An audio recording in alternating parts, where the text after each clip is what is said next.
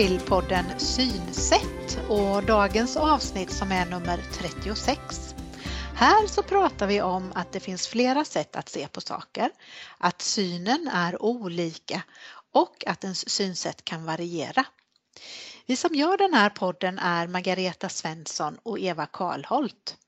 Det är jag som är Margareta och jag är socionom och jobbar som kurator. Mm, och jag är då Eva och jag arbetar som synpedagog på syncentralen. Men jag är också ögonsjuksköterska. Och vi jobbar då på syncentralen i Jönköping. Vi vill att vår podd Synsätt ska ge dig som lyssnar kunskap på ett lättillgängligt sätt. Hoppas verkligen att du har nytta av det och att du tycker om det. Vi vill ge information om olika synnedsättningar, hur det kan vara att få en synnedsättning och hur det sen kan vara att försöka anpassa sig och lära sig att leva utifrån den förändrade situationen. Ja, nu är det ju jättelänge sedan det kom ut något nytt avsnitt eh, i den här podden Synsätt och det mm. beror ju på pandemin. Ja, vi har ju alla varit drabbade av den på olika Verkligen. sätt senaste året. Mm. Ja, och vi har ju inte kunnat spela in några nya avsnitt som vi ju hade tänkt. Och det är ju på grund av de här restriktionerna som har varit och, och fortfarande är faktiskt. Det känns tråkigt.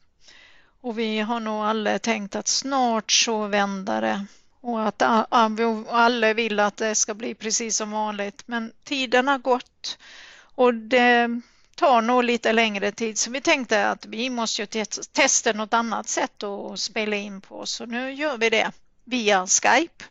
Ja, där kom ju du med en jättebra idé Eva. Och dessutom så är det ju så att vi eh, i dagarna här firade att det är tre år sedan podden Synsätt lanserades. Så i och med det så tänkte vi ju också att vi gärna vill hålla den levande och lägga ut några avsnitt. Idag så sitter vi nu här i varsitt arbetsrum på syncentralen framför varsin dator med kamera och hörlurar på. Mm. Så för att ni ska se det här framför er så kan ni tänka er att vi sitter här och tittar på varandra via våra datorskärmar och hör varandra i lurarna. Och på så sätt så ska vi testa och spela in några avsnitt. Det kanske kommer att höras annorlunda för dig som lyssnar, men vi hoppas ju ändå att innehållet kan vägas upp av ljudkvaliteten. Så vad har vi nu tänkt att avsnitt 36 ska handla om? Mm. På ett eh, coronasäkert sätt så vill vi ju då informera eh, just dig som märker att synen försämrats. Eller om det kan vara så att du nyligen har varit på en ögonmottagning och fått besked om att du har en synnedsättning. Och då vill vi berätta om vilka avsnitt av podden som du skulle kunna ha mest nytta av att lyssna på. Mm. Eh, det är ju så att via alla de som vi möter på syncentralen så förstår vi ju att det är många saker som man undrar över när man just har fått de här beskeden. Så att eh, det finns många frågor. Mm. En vanlig fråga när man upptäcker att synen försämras det brukar ju vara när får man komma till syncentralen? Mm. Så utifrån det så är det kanske inte så konstigt att just avsnitt 1 är det som har allra flest antal lyssningar i våran podd. För i det avsnittet så berättar vi nämligen om vilka kriterier som måste finnas för att din ögonmottagning ska kunna skicka en eh, remiss till syncentralen. Mm, just det, och eh, vi kan ju ta det lite kortfattat nu mm. också då. Eh, för det är tre kriterier som är de viktigaste för att få komma till syncentralen och det räcker ju egentligen att något, något av de tre stämmer på just mm. din situation. Och de här kriterierna det grundar sig ju i Världshälsoorganisationens definition av synnedsättning. Så för att bli remitterad till syncentralen så måste antingen din avståndssyn vara 0,3 eller lägre. Eller så har du synfältsskador som gör att din vardag är besvärlig och eh, synfältet ställer till det för, för dig. Och den tredje orsaken till att få komma till syncentralen det är att du kan ha svårigheter att läsa. Och då menar vi att man inte kan klara av att läsa vanlig spalttext i tidningen trots att man har sina vanliga läsglasögon på sig. Och vill du ha mer utförlig information om just de här sakerna, då är det avsnitt 1 du ska lyssna på. Kanske är det så att du snart ska komma på nybesök till syncentralen och undrar hur går det då till? I avsnitt nummer två så berättar vi om vad som vanligtvis brukar hända vid första besöket på syncentralen. Lyssna gärna på det avsnittet om du vill veta mer. Men här kommer vi, eller bjuder vi på en kort som sammanfattning. Så hos oss på syncentralen i Jönköping så får du vid nybesöket oftast träffa en optiker först och sen en synpedagog. Och optiken då testar synen både på långt och nära håll och undersöker om det är så att synen kan bli något bättre med starkare glasögon. Och om det behövs så kan du också få hjälp med solglasögon eller filterglas. Och när du sedan kommer till synpedagogen då så görs en kartläggning och eh, utredning av din situation och utifrån de här svårigheterna som kanske kommer fram så ges det förslag på strategier och hjälpmedel som förhoppningsvis kan göra livet lite enklare för dig. Precis ja, och just det här med hjälpmedel, det är ju många som har frågor kring vilka hjälpmedel man kan få på syncentralen. Och det beror ju på vilken typ av synnedsättning som du har. Och i avsnitt 6 så berättar vi ju mer om det. För det är ju så att det behövs olika information och tips och strategier och också hjälpmedel beroende på om du har en måttlig synnedsättning, om du har en svår synnedsättning eller om du endast har lite synrest eller, eller kanske är blind. Det behövs olika saker då. Mm. Och de här olika synnedsättningarna de orsakas av olika ögonsjukdomar och den absolut vanligaste ögonsjukdomen både i befolkningen i stort och även i vår patientgrupp det är åldersförändringar i gula fläcken eller makuladegeneration som ögonläkarna brukar säga. Av alla nya remisser som kommer till syncentralen på ett år så har ungefär hälften av personerna åldersförändringar i gula fläcken. Och om det nu är så att du vill ha mer information om den här ögonsjukdomen så kan du lyssna på avsnitt 24. I det avsnittet så kommer Evas kunskaper som ögonsjuksköterska mycket väl till pass. Och sen i eh, avsnitt 25 så berättar Gustav om hur hans vardag med åldersförändringar i gula fläcken ser ut. Och han berättar också om den omställning som han fick göra för att hans tillvaro skulle funka lite bättre utifrån hans synnedsättning. Mm, det stämmer ju precis det. Lyssna gärna på det avsnittet. Och vi tycker ju att det är så generöst av eh, alla de personer som har ställt upp och på samtal och intervjuer här i podden. Mm. De delar med sig av sina erfarenheter och vi tror att just det här eh, som de berättar att det kan vara till hjälp för andra i liknande situationer. Men jag vill också nämna att det finns några faktaavsnitt förutom det här med åldersförändringar i gula fläcken så finns det ju också om ögonsjukdomen glaukom och det är i avsnitt 26. Sen är det ett om gråstarr i avsnitt 28 och det är ju bra för de som vill veta mer om just de här ögonsjukdomarna. Sen emellan dem i avsnitt 27, där finns det en intervju med Bengt.